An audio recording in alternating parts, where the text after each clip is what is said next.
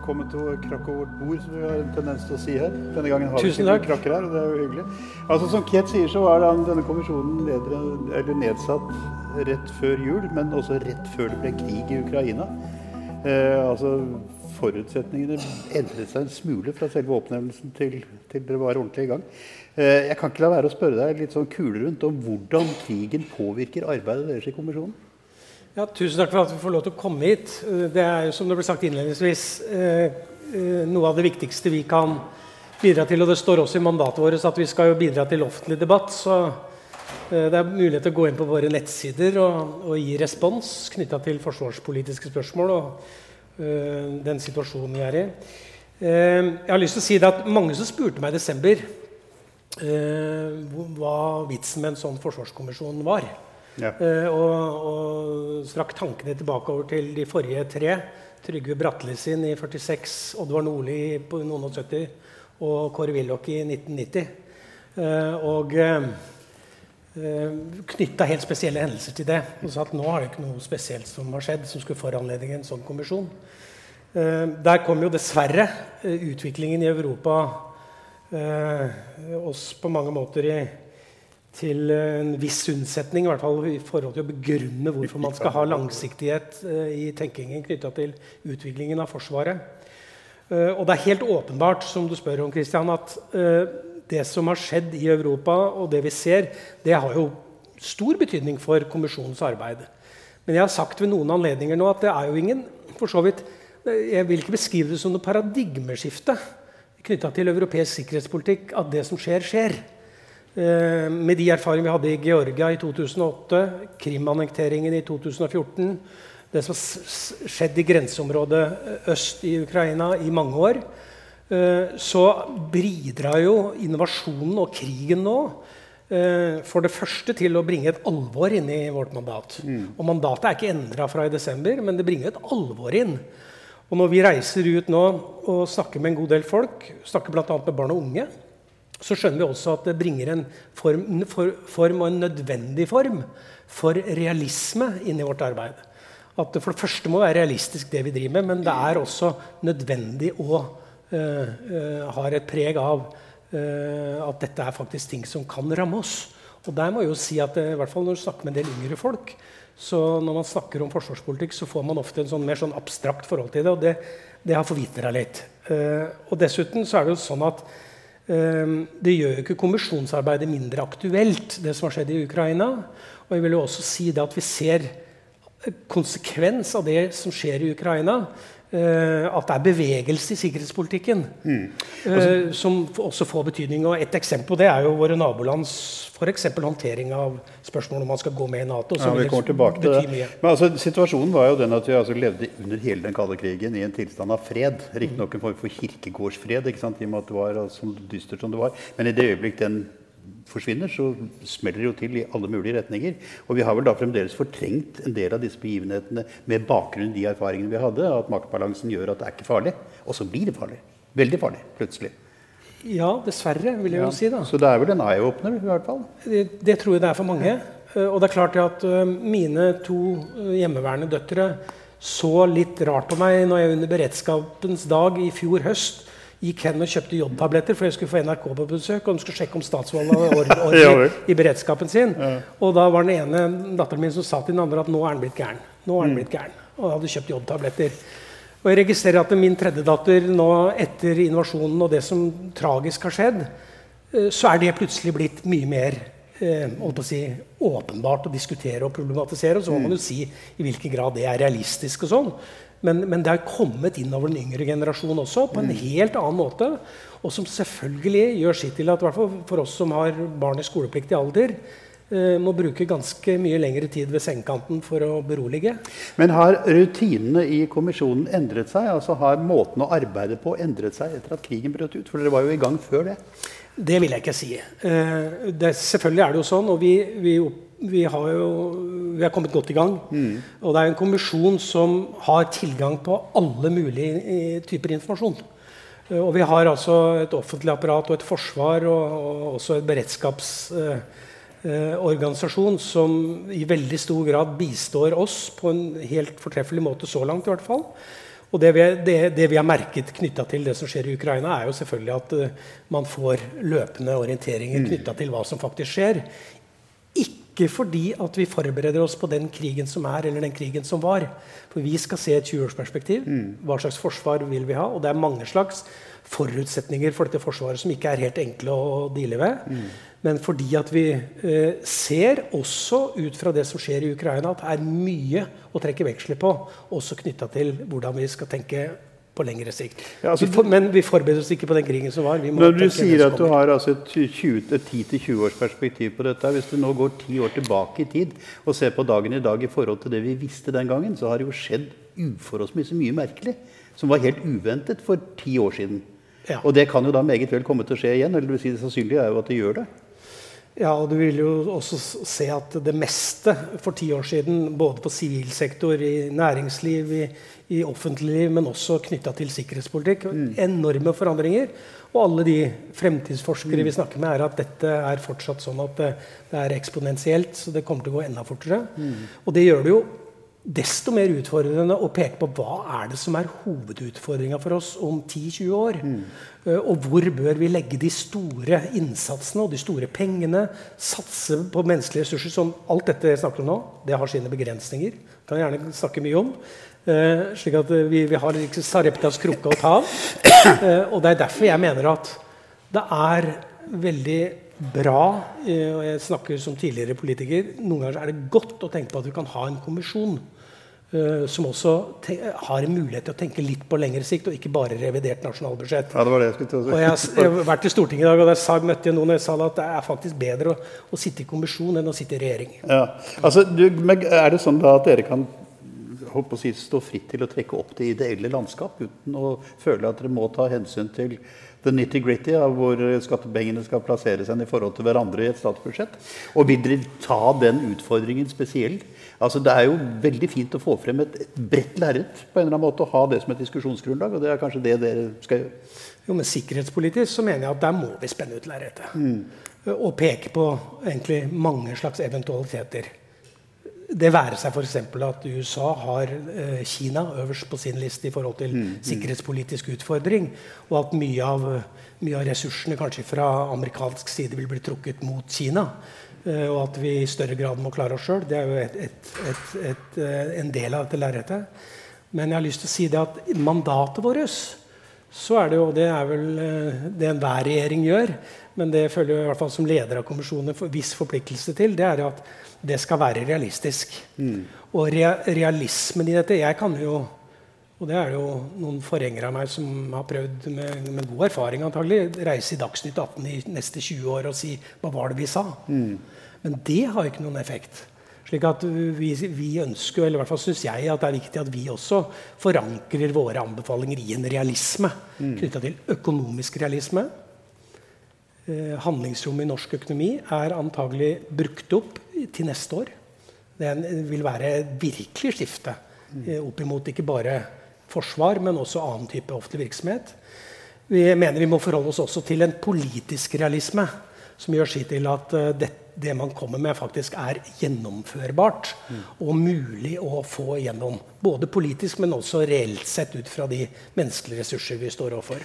Så, så, så vi, jeg mener nitty-gritty. Vi står ikke helt fritt uh, på det. Og det, det, vil, det, vil, gi vår uh, rapport mindre verdi. Og det er noen vil jo si at Det har vært diskusjoner knytta til tidligere forsvarskommisjoner om det virkelig ga noen effekt. å ha ja, disse kommisjonene.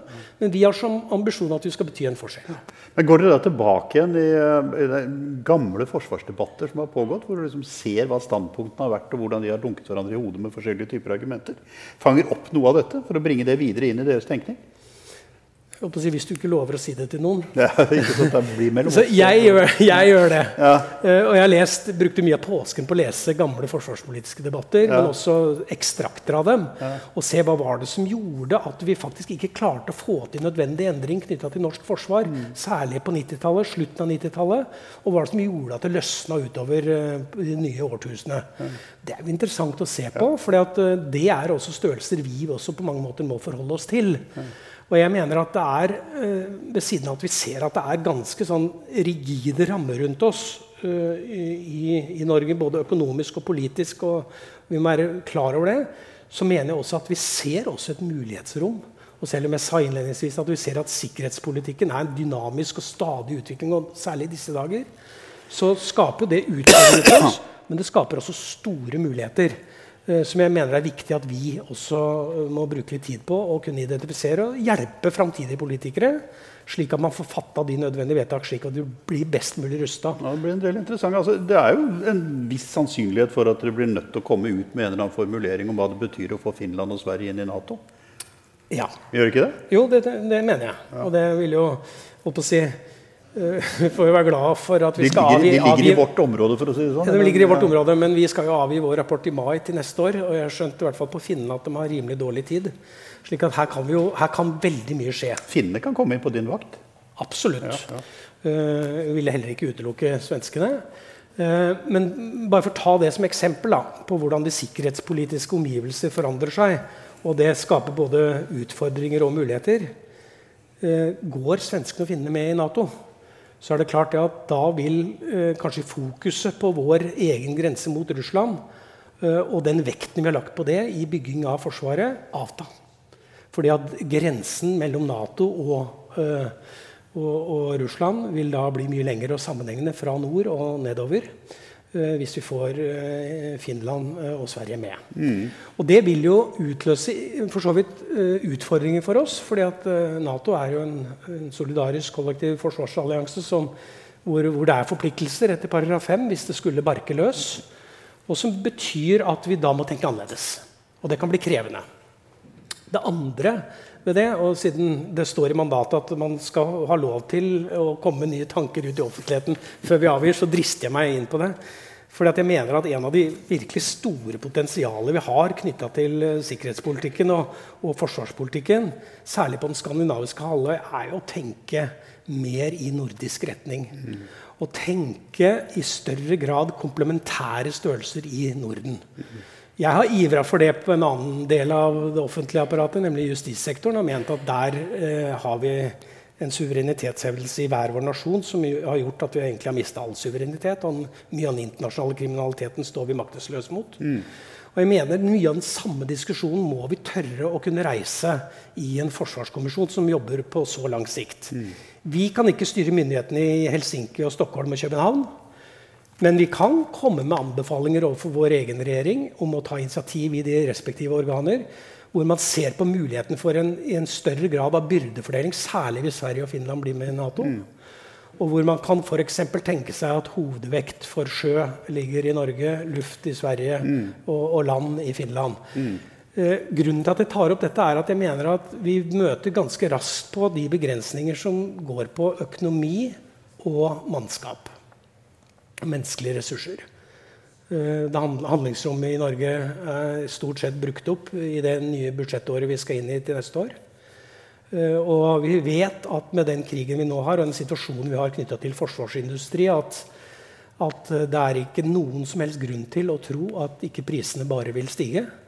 Og noen av oss mener jo at forsvarsindustrien og de eh, utgifter vi har knytta til denne sektoren, er jo på mange måter et eget univers fra mm. før av. Mm. Eh, koster så mye penger. Ja. Eh, at eh, det vil tvinge seg fram en byrdefordeling som er større enn det vi ser i dag i forhold til det nordiske samarbeidet. Mm. Og Jeg har hørt på kommisjonen, og vi har drøfta dette et par ganger. Jeg hører at dette er en tanke som vi ønsker å forfølge videre. Og som vi selvfølgelig ønsker innspill på. Ja, være, altså, ser du fordeler i et sånt samarbeid? At du kunne få en byrdefordeling som uh, gjør at forsvarsevnen kanskje kan holdes på et høyere nivå til en lavere penge? på en måte? At du får en mer rasjonell måte å gjøre det på? Ja, ja. absolutt. Og jeg tror ikke vi har noen annen vei utenom. Jeg tror... Ja nasjonalstaten Norge blir for liten for å opprettholde et forsvar som er bredt, og hvor vi foretar investeringer nærmest i hver eneste våpengren og på hver eneste størrelse. Og at vi er nødt for å begynne å tenke fordeling. Men dette er komplisert. Mm. Dette kommer ikke, altså, dette er ikke gjort over natten. Men Vet vi noe som helst om hvordan svensker og finner som medlemmer av Nato vil forholde seg til vår relativt beskjedne måte å opptre på i disse områdene? Vi har jo den, de selvpålagte restriksjonene og den forholdsvis ukrigerske profilen som vi har kjørt på i hele etterkrigstiden oppe i området der. Vil svenskene og finnene være med på det? Vet vi noe om dette? Undersøker dere det? Jeg, jeg, vi skal, vi Ja, ja. skal jo reise. Vi, vi har god kontakt med svenskene og, og finskene, finnene allerede. Mm. Slik at, eh, og vi skal jo ha besøk i de respektive land, så dette er jo ting vi vil bringe til debatt. Men jeg tror ikke, jeg tror ikke akkurat beroligelsesaspektet eh, og den, de selvpåførte restriksjonene vi har hatt, enten det er basepolitikk eller annen type politikk, at det vil være utfordringen i dette. Men det som er utfordrende, er jo at vi fortsatt i stor grad baserer mye av vedtakene også innenfor forsvaren, Forsvaret eh, på statens egen suverenitet og de hjemler vi har for å opprettholde det. Og at eh, vi kommer ikke eh, til et, eh, eller et samarbeid statene imellom i Skandinavia uten å måtte se på bestemmelser som rokker ved ganske prinsipielle størrelser. Det det, men bare for å si det, da, at det en av En av grunnene til at jeg er ivrig for at dette er en diskusjon vi må ta, er at dette er jo sånne diskusjoner som man i daglig politisk virke i Stortinget vanskelig liksom får tid til å tatt. Og hvis det er noen som skal kunne ta det, så må det være en forsvarskommisjon, den fjerde etter den andre verdenskrig, for å nettopp løfte fram denne type størrelser, særlig i en tid hvor rammene blir stramme. En ny ting som dere har i forhold til de tidligere kommisjonene, er jo at situasjonen på nordområdene er betydelig endret. Dels av klimatiske grunner, og dels pga. Nordøstpassasjen. Dels pga. nye russiske baser på øyene oppe i dette området osv. Og at du antagelig vil få en større årvåkenhet fra andre medlemmer på den andre siden av Nato. Jeg tenker da på USA og, og Storbritannia. Absolutt. Og derfor har jo f.eks. det eh, eh, momentet som jo er en av de store virkningene inn i hvordan vi anretter det meste av politikken vår, nemlig klimautviklingen, er jo helt sentral. Eh, og det er jo en av, en av de områdene hvor kommisjonen også har bestilt egen forskning eh, og gitt ut et eget forskningsoppdrag hva det har av konsekvens for utviklingen av Forsvaret. Det gjelder jo ikke bare seiling eh, i Arktis, men det gjelder jo all aktivitet. Og mye av de spørsmålene som vi så langt har følt at vi har vært noenlunde eh, alene om, enten det er forvaltning av disse sjøområdene i nærheten av oss, eller for den saks skyld også Svalbard, hvor vi jo har et russisk innslag og annen type nasjonaliteter, men som vil få en helt annen betydning i et sånt bilde. Du nevnte tidligere at dine døtre så på deg med et skjevt blikk da du kom hjem med jodtabletter før en inspeksjon. Om du hadde jodtabletter, holdt jeg på å si det sånn.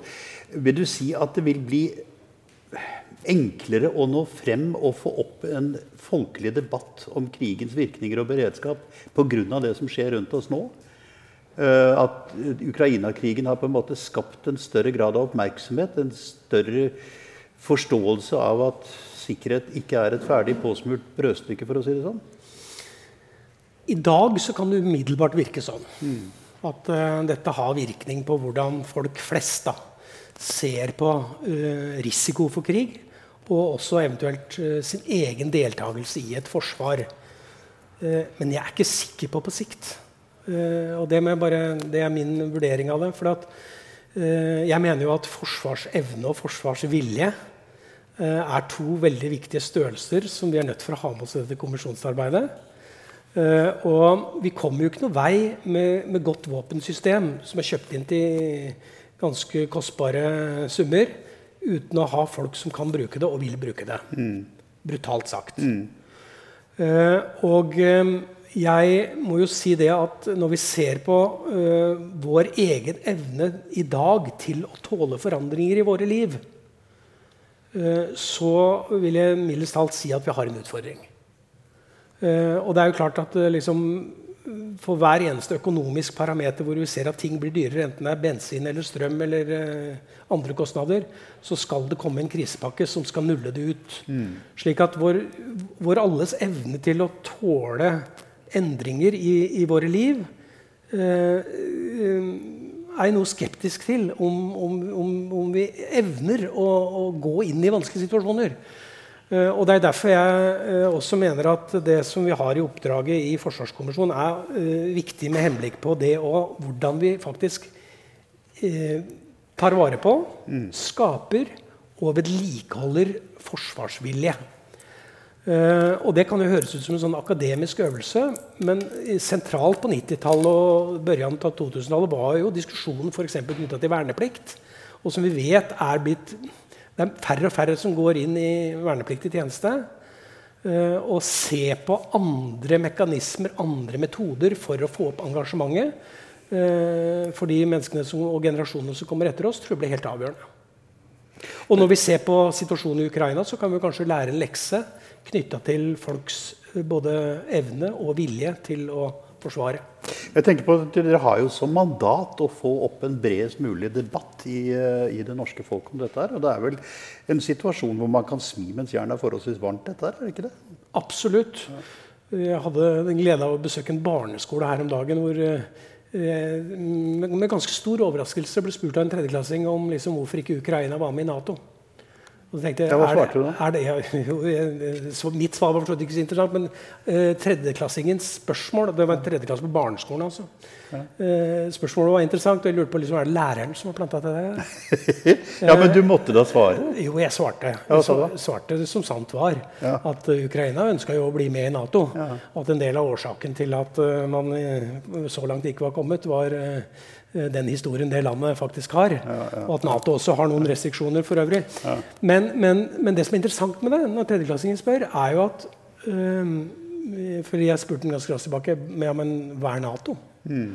Og da svarer tredjeklassingen til meg at det er en uh, samling av uh, land som har bestemt seg for å beskytte hverandre hvis noen av dem blir angrepet. Dette høres bråmodent ut. Ja, jeg syns det. Og det, det, var en innlandsskole, det må sies. Men, men, men, men, men, det sier jo litt om at folk er ikke dumme. Nei, nei, nei, eh, og som du sier, det er mulig til å smi litt også mens jernet er varmt. Ja. Men jeg er litt sånn opptatt av at dette er ting som må holdes ved like over tid. Og da er vi nødt for å se på strukturene, hvordan vi fanger opp folks engasjement og folks deltakelse over tid. Ja, altså, hvis man skal si det litt sånn arrogant, så er det vel ofte slik at folks oppfatning om realitetene bunner i deres utgangspunkt. Altså hva tror de, hva syns de, hva er deres mening om saker og ting på forhånd? Og så tenker de verden inn i den modellen på en eller annen måte. Mm -hmm. Så mitt spørsmål var i grunnen om du tror at dette kan føre til noe større grad av realisme i sikkerhetsdebatten? Forsvarsdebatten? Jeg tror det. Mm. Uh, og i den realismen så ligger jo også det at vi Og jeg har jo sittet på Stortinget i mange år, vært i regjering også. Mm. Uh, og opplevde jo mye av fors det forsvarspolitiske ordskiftet til i realiteten å ikke handle om det det egentlig skulle handle om. My point, akkurat exactly, var fint du sa det. Og, og, og, hvor hensynet til næringsliv, sysselsetting mm. eller bosetting og mm. distrikt mm. ble så sterkt til slutt at vi nulla ut det som egentlig var hensynet. Var liksom leve Terningmoen. Mm. Terningmoen er bra, det er der jeg kommer fra. Men, men, men, men det holder ikke. Nei. Og det er klart at det er også ganske befriende med en kommisjon. da, mm. Som er bemanna av partipolitikere også, men mm. også forskere, folk fra Forsvaret, fra fagbevegelse og næringsliv. Eh, hvor man faktisk har en mulighet til kanskje å skyve det litt til side. Det var det jeg tenkte på ja. innledningsvis. jeg sier at Det kan trekke opp det helt brede lerretet ja. uten å måtte ta sånne nitty-gritty-hensyn. Ja. Men det er altså Det, er, du mente med nitty-gritty? Ja, det var det. Ja. Nitty -gritty, altså pirk og småting. Ikke sant? Den type ting. Partipolitikk og sånn. Fjas. altså, men tilbake til det med fjas og partipolitikk. Dere er altså 17 medlemmer med bred spennvidde i bakgrunn. og forutsetninger og ideologier og faglige, faglige, forutsetninger. Ser du det som en utfordring å få denne flokken til å trekke i spann? holdt jeg på å si, Til å snakke samme språk? Ikke så langt. Nei! Nei. det er ikke det? Du Nei, ser ikke noen problemer i det? Nei, jeg, jeg, ser, ikke noen, si altså, jeg, jeg ser, ikke noe, ser ikke noe problemer med det. Altså, jeg må si jeg er ganske fornøyd med kommisjonen. Mm. Uh, liker å møte dem. Liker de, de diskusjonene, liker de spørsmålene jeg hører. Uh, og vi har jo med oss representanter fra alle de partiene som er representert på Stortinget. Mm. Uh, og vi har med oss uh, både unge og eldre, og folk med eks såkalt ekspertise på det, disse områdene. Bred erfaring fra akademia. slik at jeg må si at at det, Sammensetningen syns jeg har uh, vært til stor tilfredsstillelse. Så du er ikke altså du, du, ser bort fra angsten som enkelte har uttrykt for at dere kan komme til å legge større vekt på å bygge politisk konsensus og bygge broer mellom motsetninger enn å nå frem mot de optimale løsningene? Du tror ikke noe på den? Ja, men det er litt spørsmål hva er optimalt i sikkerhetspolitikken og i forsvarspolitikken. Eh, for vi kan jo uh, lene oss tilbake enhver av oss og si at jeg skrev inn min dissens, og den var kjempegod. uh, og så ble det med det.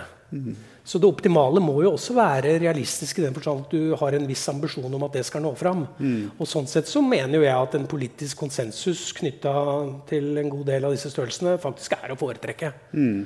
Uh, og det, det, har jeg tro på at vi skal klare. Mm. Så langt er det god stemning for det.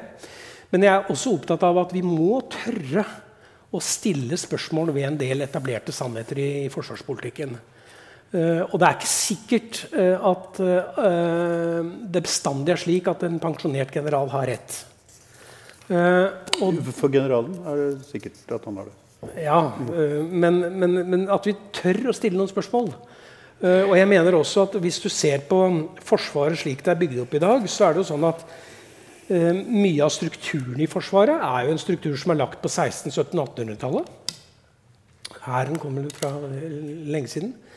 Uh, uh, og det er ikke bestandig det um, passer opp mot den teknologiske mulighetsramme vi har i dag. Og det er ikke bestandig heller strukturen i Forsvaret passer inn mot trussel, den trusselsituasjonen vi ser, særlig når det gjelder sammensatte trusler. Mm. Slik at uh, Noen ganger så er det ikke bestandig man får svar i den delen av det offentlige som man er satt til å komme med innspill overfor. Mm. Fordi det er konservativt, mye av det. Uh, og det gjelder det offentlige generelt. Og det er naturlig, og det er mange gode konservative mekanismer. Derfor mener jeg at uh, det er viktig at også kommisjonen har ambisjoner om å ikke bare diskutere seg fram til konsensus på alt, men at det kan være noen områder også hvor vi åpner opp for friske dissenser.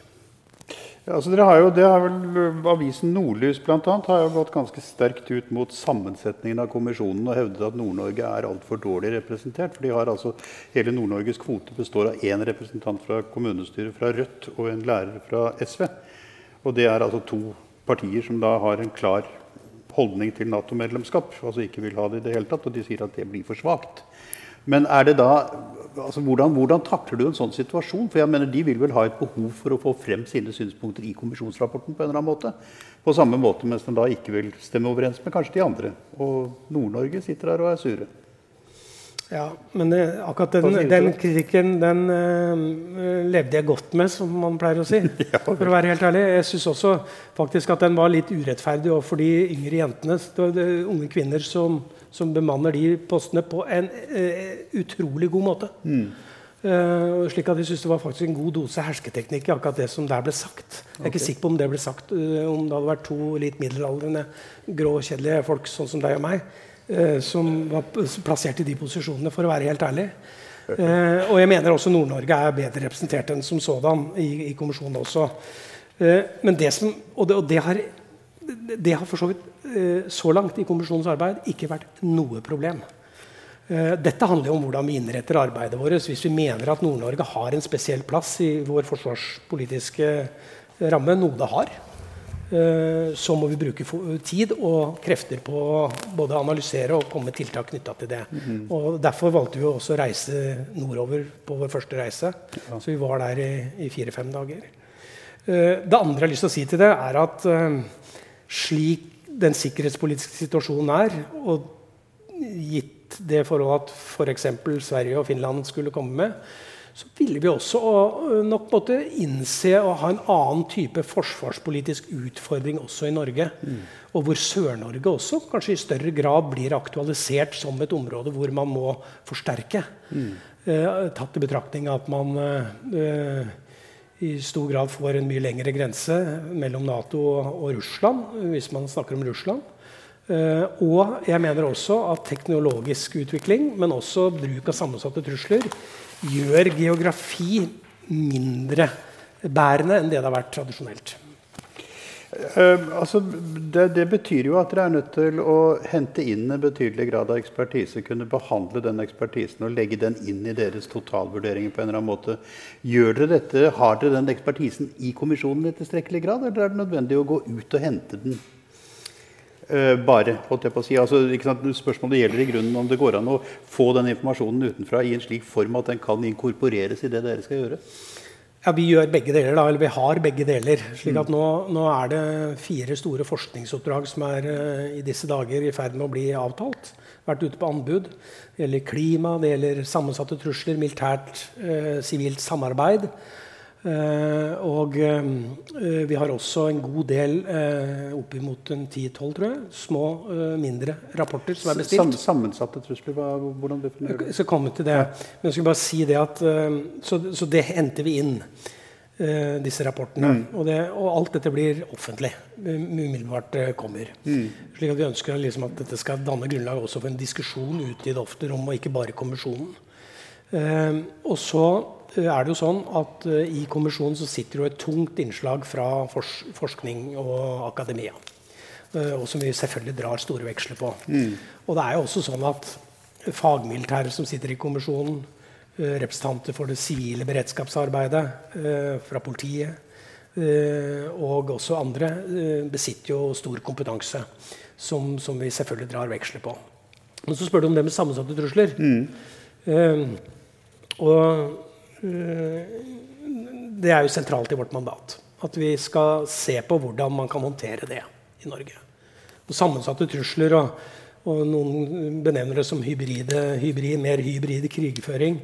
Så handler det egentlig om litt sånn det vi kanskje ikke mest tenker på når det gjelder krigføring. Uh, men som gjelder angrep i det digitale rom, påvirkningsaksjoner. Mm. Uh, annen type uh, angrep mot Norge som ikke vi ser på som ren invasjon. En av hovedutfordringene knyttet til dette er at vi ser at uh, disse uh, typer krigføring melder seg på i en gråsone i Norge. Hvor vi ikke nødvendigvis har avklart hvem som har ansvar. Mm. Uh, og Det er derfor vår grenseoppdragning overfor totalberedskapskommisjonen, som også regjeringen har nedsatt, som mm. ser på den sivile siden, mm. blir så viktig for oss. og det er jo også sånn at mens den skal se på liksom samfunnssikkerheten og sårbarheten knytta til samfunnssikkerhet, så ser vi i større grad på den statlige sikkerheten og det som mm. dreier seg om det fundamentale. Mm. Territorielle suvereniteten, demokratiet vårt. Og det er klart at Når vi ser en del av det som nå kan lamme oss via kritisk infrastruktur, uh, f.eks. det digitale rom, uh, så er det vanskelig noen ganger å fastslå er dette Eh, noe som eh, Forsvaret som sådan skal gripe an mot?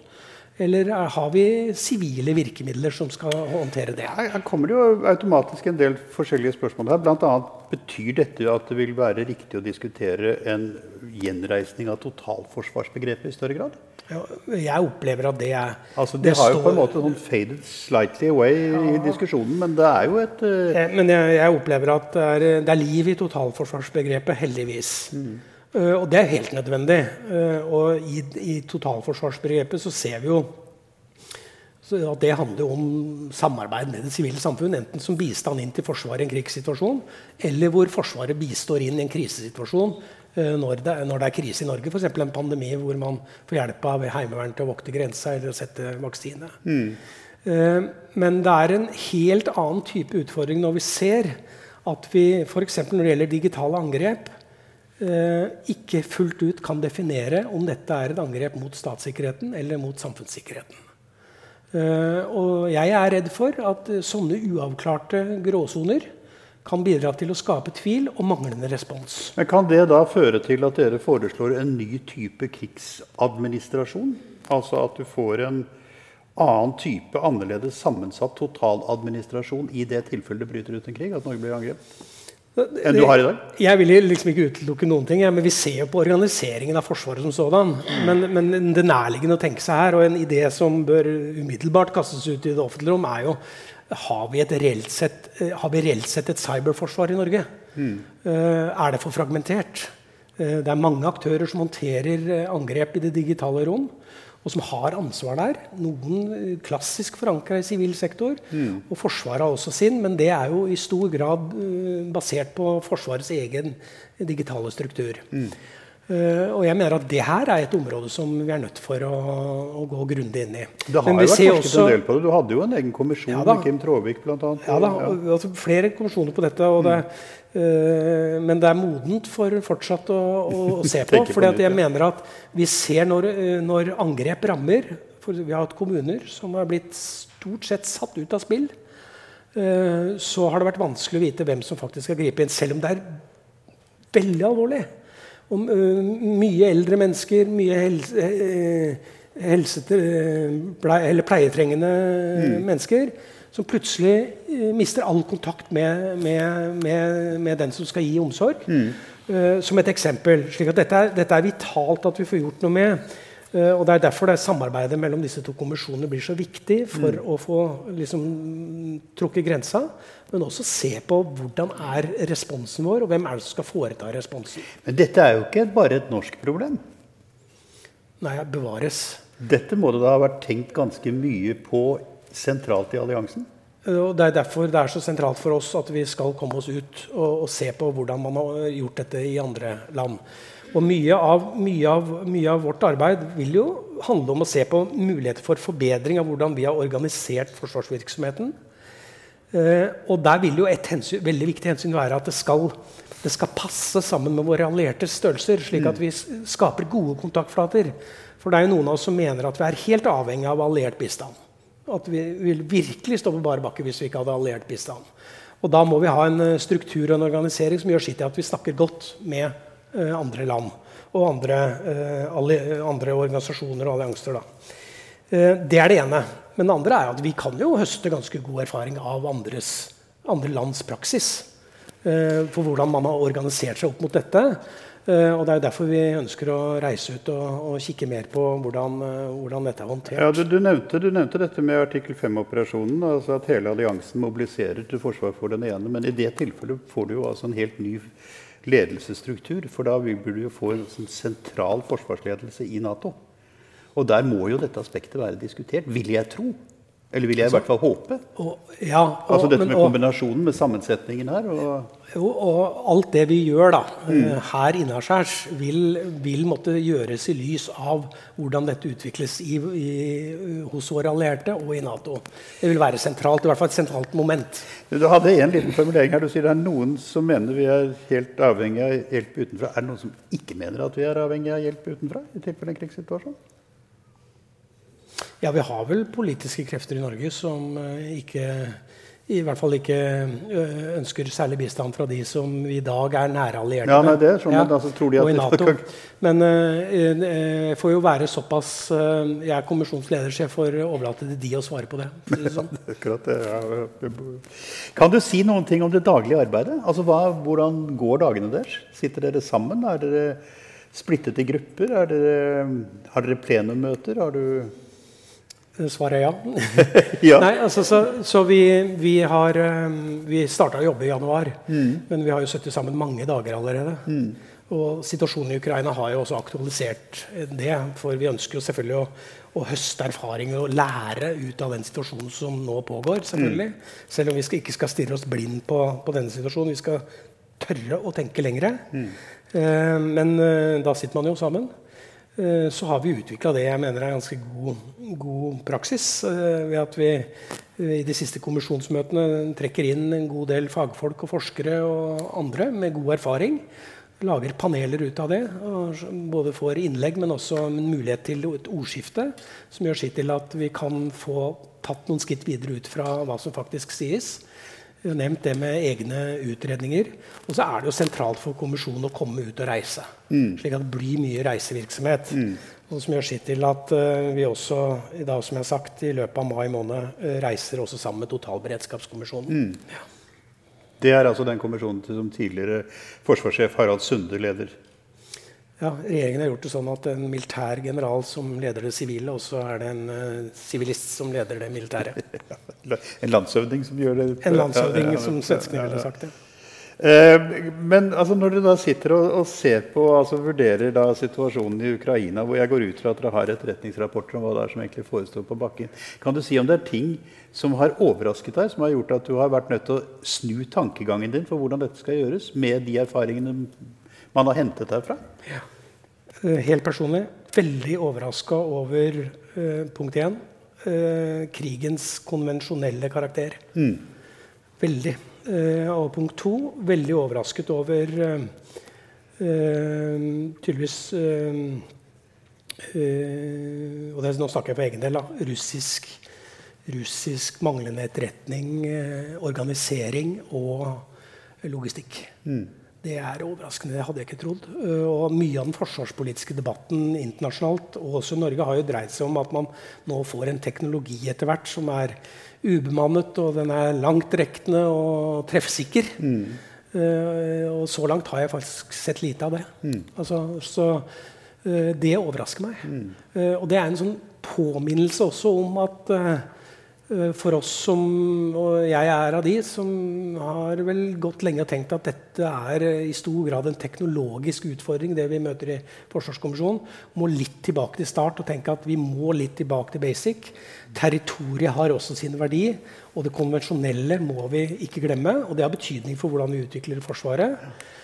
Samtidig så er liksom eh, den andre overraskelsen litt sånn paradoksal ved at det er konvensjonelt, ja.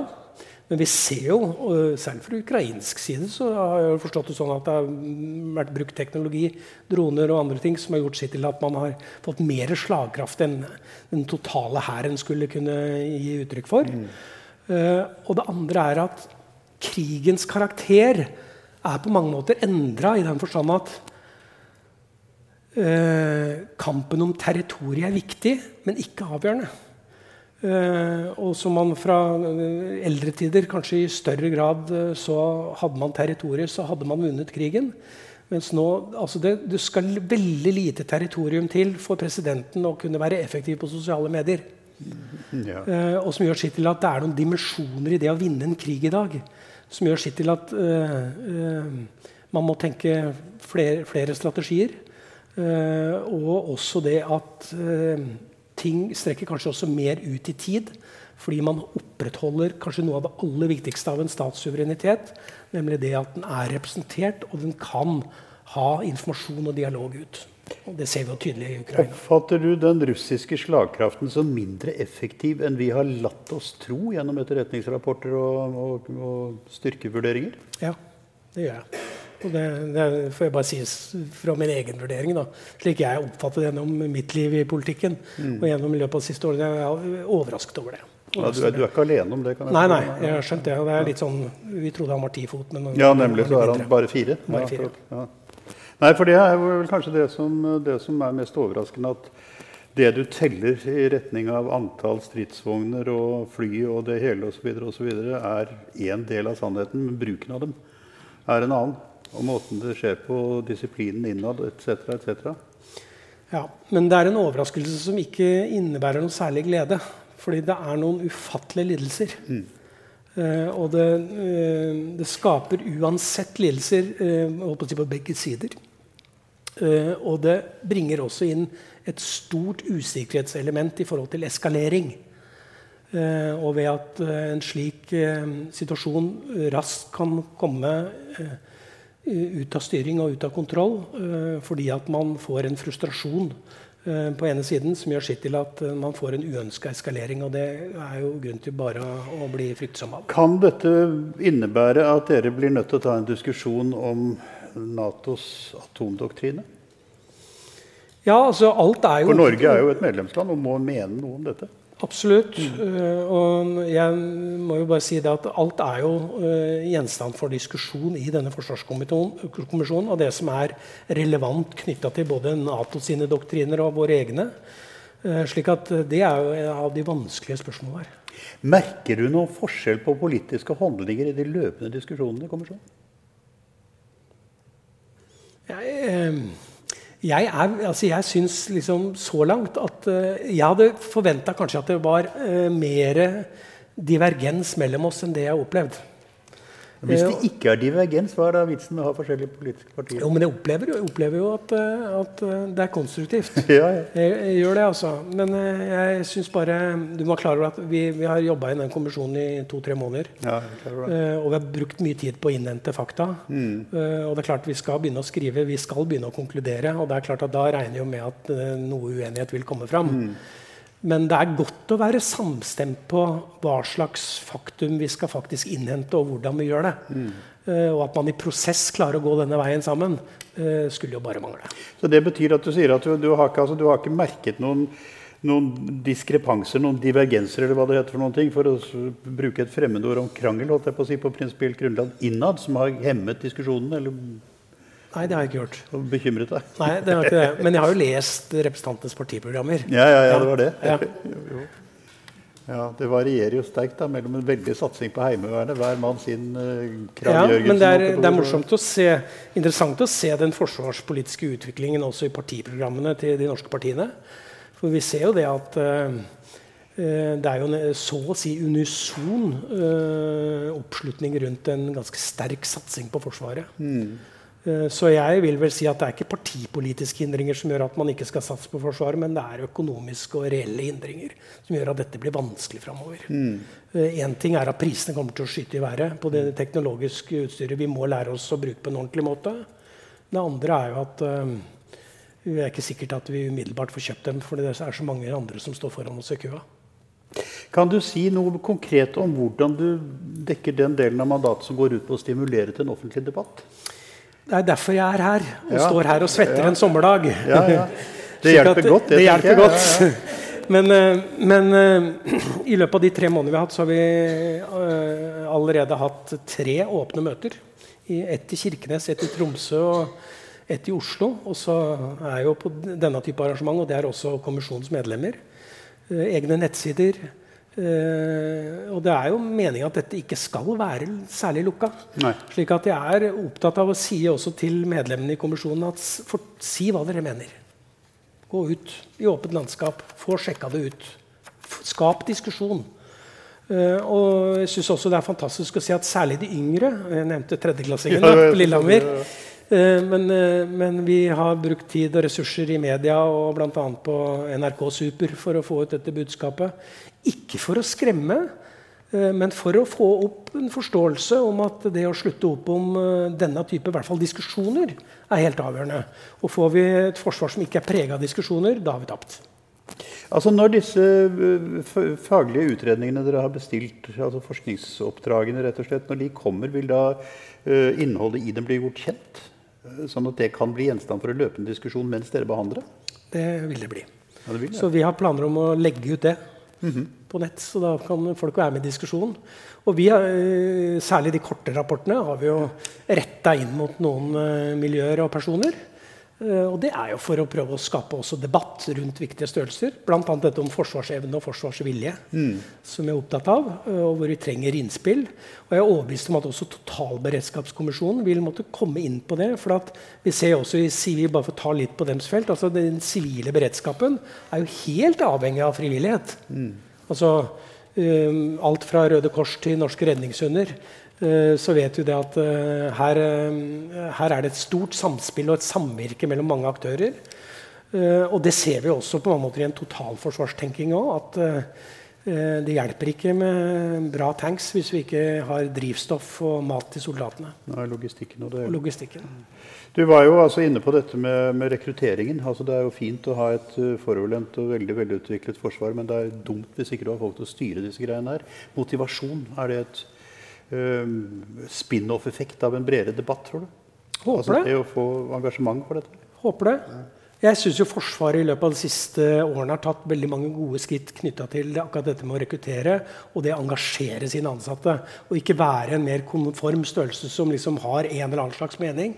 Uten at man har liksom lov til å si noen ting der. må jeg si at jeg synes, slik Mitt inntrykk er, er at man faktisk har tatt noen skritt. Og, fått til bedring. Det skal ha lov til å si ifra. Du må følge ordre i gitte stridssituasjoner. har jeg skjønt. Eller det lærte jeg sjøl på rekruttskolen. Men, eh, men at du har faktisk også lov til å si meninga di. Og vi inviterer jo også alle uh, forsvarsansatte til å være med i denne diskusjonen. Og jeg hørte forsvarssjefen senest i helga også gi uttrykk for at det skal det være lov til. Eller det er ikke bare det at det er lov til, men det er nødvendig for å få et stridsdyktig forsvar opp og gå. Uh, ville det være aktuelt å legge om utdannelsen i Forsvaret med sikte på å gjøre den mer kompatibel til det sivile samfunn? Altså et samspill mellom en større grad av samkjøring? Var det noenlunde riktig? Det er, det, er, det er et omfattende spørsmål. Altså. Ja, jeg vet det. Eh, Og hvis du ser på utdanningslinjen i Forsvaret i dag, så må jeg si at er det én etat som virkelig har tatt tak og endra seg, så er det jo Forsvaret. Eh, Men det er sikkert mye igjen. Der har ikke vi Og vi skal se på det. Eh, Men det er klart at eh, nå er det, det er ganske, etter mitt skjønn, da, eh, det bevega seg fra et konglomerat av befalsskoler og utdanningssteder til å bli ganske strigla. Eh, også til spørsmålet knytta til kontakten inn mot sivile tror jeg er helt avgjørende. Mm. Så det vi nå har sett av oppbygging i forhold til beredskapskunnskap generelt på sivile læreinstitusjoner, enten det er Universitetet i Stavanger eller det er på Høgskolen i Innlandet eller eh, her i Oslo, eh, helt avgjørende at også Forsvaret er med på å trekke lasset på. Ja, jeg, jeg, vil jo tro at det du nevnte med, med, sammensetningen av trusselen, altså den mye større graden av sammensatthet enn en bare det militære som vi var vant til å forholde oss til fra 1600-tallet, for å gå tilbake til den modellen, at det fordrer en mye større grad av interaksjon mellom sivile og militære? Jeg tror det, da. Ja. Uh, og hvis vi, vi, kommer ikke til å bli effektive knytta opp mot uh, de sammensatte trusler hvis ikke uh, det også blir speila i utdanningsløpet, også til offiserene og befalet. Og for så vidt også rekruttene. Um, altså, en gammel definisjon av, av, sikkerhetspolitikk er at det er 10% forsvar og 90% utenrikspolitikk. I hvor stor grad spiller den diplomatiske siden av krigsavverging en rolle i deres diskusjoner? Jeg mener det er veldig viktig. Mm. Uh, fordi at uh, en, vi kan legge oss på en linje hvor vi anbefaler framtidige politikere å på en måte legge mesteparten av ressursene i denne skåla. Og i disse tider er vi jo kanskje mest opptatt av å snakke om kuler og krutt og hva vi skal sende av gårde. Eh, men jeg tror det er helt avgjørende. Eh, jeg har alltid vært eh, for at man skal prøve å forhindre konflikt og krig.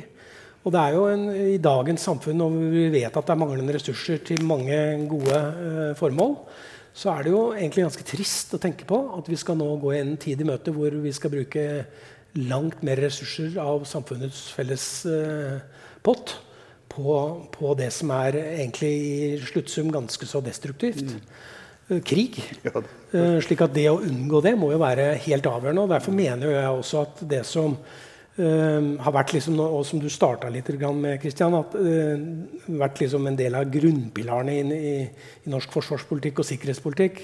Med at vi faktisk har en tanke om beroligelse og avskrekking og har klart mm. å balansere det på en ganske fin måte. Mm. Mm. Og vi ser jo oppe i nord særlig hvordan vi har håndtert uh, samspillet mellom norske og russiske myndigheter knytta til både delelinje og fiskeri og redning og beredskap og sånn. På en måte som Når folk spør meg om det i dag, liksom blir det ikke noe mer av det nå. da så mener jo jeg i hvert fall at vi har ikke noe valg. Eh, fordi at det er en felles si, fiskestamme vi, vi høster av. Det er beredskapssituasjoner som vil dukke opp, hvor vi er nødt for å samarbeide. Vi har en Svalbardtraktat som åpner opp for eh, et visst nærvær av andre nasjoner, deriblant Russland. Så vi må forholde oss til verden sånn som den faktisk er. Og der vil vi trenge, trenge ikke bare offiserer, men også diplomater. Det er kanskje litt for flytende å ta det opp i den sammenheng, men det har jo altså vært en diskusjon om Natos ekspansjon etter Berlinmurens fall har vært en medvirkende årsak til de krigerske skrittene Putin har tatt. Og hvis du går inn med det med den typen tenkning, så kan du lett få det til å bli at det var unødvendig. Jeg satt selv i regjeringens nedrustningsutvalg, og vi var på besøk i Senatet i USA da Senatet hadde gitt Bill Clinton tillatelse til å utvide med to uh, land. Og da vi spurte da senatoren som ledet dette arbeidet, om hva det var som hadde skjedd, som gjorde at de nå hadde dreid på det, så svarer han He gave us a concession on abortion. Geir Lundestad var med på dette møtet. og Han så på ham og sa Mr. Senator, could I please ask you to repeat that question, please? Men det var et faktum. altså Senatets utenrikskomité hadde med begrunnelse av at de hadde fått en konsesjon på abortlovgivningen, en formulering i loven der, gått med på å utvide Nato. Og dette ble jo da selvfølgelig brukt som en osv. osv. Og der er jo da den diplomatiske siden relativt viktig, og dette må vi vel antagelig legge større vekt på i fremtiden. Blir det vanskelig? Ja, altså jeg tror Politikerne og de som skal styre med utenriks- og sikkerhetspolitikk, vi alltid vil stå for ganske vanskelige avveininger. Eh, jeg må si det at eh, etter murens fall og Sovjetunionens eh, undergang så er det klarere og klarere for meg at det, den statssuvereniteten som, som, må gjelde, at enhver fri stat må få lov til å velge sin tilknytningsform både til allianser og, og, andre organisasjoner, må stå så sentralt at det eh, trumfer mye av det. Men det er klart at eh, vi vet jo fra mm, utenriks- og sikkerhetspolitikken at eh, det foretas allikevel avveininger knytta til dette, som gjør sitt til at dette er vanskelig felt å gå inn i. Men er du ikke enig i at Natos samhold er en medvirkende årsak til at vi levet i fred i den kalde krigen? At det ikke smalt? Jeg er av den oppfatning. Men det betyr jo altså at Nato er nødt til å operere med én stemme. Altså Kommunikerende må uttrykke en felles holdning, må det ikke det? Jo, til en viss grad, så. Men, eh, men samtidig så er det jo sånn at eh, jeg syns jo eh, på en del av disse spørsmålene, som i hvert fall tangerer inn mot mer sånn tradisjonell utenrikspolitikk, så har man sikra seg god variasjon. Mm. Men når det gjelder rene Nato-oppgaver, og der vi virkelig skal stå, stå, sammen, så er det en fordel at man snakker med én stemme. Mm. Men jeg er av den oppfatning, og da snakker jeg for min egen del, for det kan jo være strid om i kommisjonen, men, men, at vi ville vært ganske fattig sikkerhetspolitisk og forsvarsmessig i Norge hvis man uh, eh, kasta vrak på uh, det å stå sammen i alliansen. Og Det blir også en utfordring for oss. for vi vil jo i kommisjonen også måtte diskutere Én ting er uh, Noen vil kanskje være uenig i at vi skal være med i Nato. Men i all den tid de fleste ønsker det, så ser jeg det som rimelig sannsynlig at det vil fortsette. Men det er jo spørsmål hvordan forvalter vi dette. Og Det er klart at det blir sentralt for oss å se på hvordan skal vi f.eks. kunne bemanne opp eh, Forsvaret til å kunne delta i de påkrevde Nato-operasjoner. Eh, og de Nato-engasjement som, som, man måtte finne Blir det en prinsipiell diskusjon om det? Om, om deltakelse i, i uh ja, jeg tror nok til viss grad det kan bli en prinsipiell diskusjon. Du vet, Mye av diskusjonen knytta til norske forsvarets utvikling, særlig på børjan av 2000-tallet, var jo knytta til at noen mener at uh, utenlandsengasjementet uh, svekka oss såpass uh, at det måtte trekkes hjem. Mm. Så er det noen av oss som mener, med rette, til mitt skjønn, da, at dette ligger jo i solidaritetstenkingen i alliansen. Mm at hvis vi ikke deltar ute, så kan vi heller ikke regne med hjelp der hjemme. Eh, det er én ting. Jeg mener også at uh, våre soldater også blir rimelig uh, godt rusta til å kunne stå hjemme ved å delta aktivt ute. Mm. Men det betyr at da må vi også ha ressurser og bemanning for å kunne håndtere de fremtidige situasjonene. Og de engasjementene som også Nato-engasjementet pålegger oss og for så vidt også andre typer engasjement. Du, du nevnte det innledningsvis, men altså USA vil jo etter alt å dømme bli mer oppmerksom på det som foregår i Sør-Kina enn de har vært om akkurat det europeiske teater, som det heter i, på, på, dette språket. Eh, hvordan ser du EUs rolle i forhold til dette, og Norges forhold til EU? Hvis EU kommer inn i en mer aktiv, eller får realisert sine utallige forskjellige og nokså sprikende visjoner om hvordan de skal kunne påvirke sikkerheten i Europa selv? Ja, aller først så har jeg bare lyst til å si For det er en dynamikk der? Altså. Ja da, det er en dynamikk. Men aller først har jeg lyst til å si at jeg tror i hvert fall for lang tid så vil Norge forankre sitt forsvarspolitiske aktive engasjement i Europa gjennom Nato. At det blir det mm, primære. Mm. Mm. Men vi ser jo det at EU spiller også en større og større rolle i en del av disse spørsmålene. Og det vil være viktig at vi som et mer eller mindre assosiert deltaker i en del av aktiviteten Eh, og holder uh, si, kruttet varmt der også. Mm. Men det som jeg synes er spennende knytta til en sikkerhetspolitiske dimensjon, og som vi har diskutert, diskutert vi nå på sist møte i kommisjonen, er jo liksom dreiningen og det fokuset som USA faktisk har inn mot Kina. Uh, og, og, det er klart det at uh, vi, vi, er jo nødt for i hvert fall å ha en oppfatning i kommisjonen knytta til hva man på sikt vil kunne regne med av amerikansk bistand i en gitt situasjon. Eh, og der må vi jo ta, på, ta hensyn til at eh, øverst på de amerikanske strategers eh, liste så står Kina, og ikke nødvendigvis Europa. Mm. Du har litt av hvert å henge fingrene i? Ja, men det er nok. Det er, det 3. mai dere skal være ferdig? Heldigvis ikke i år, men til neste år. ja, akkurat. Good luck, og tusen takk, du, tusen takk, for at du, var med oss her i dag.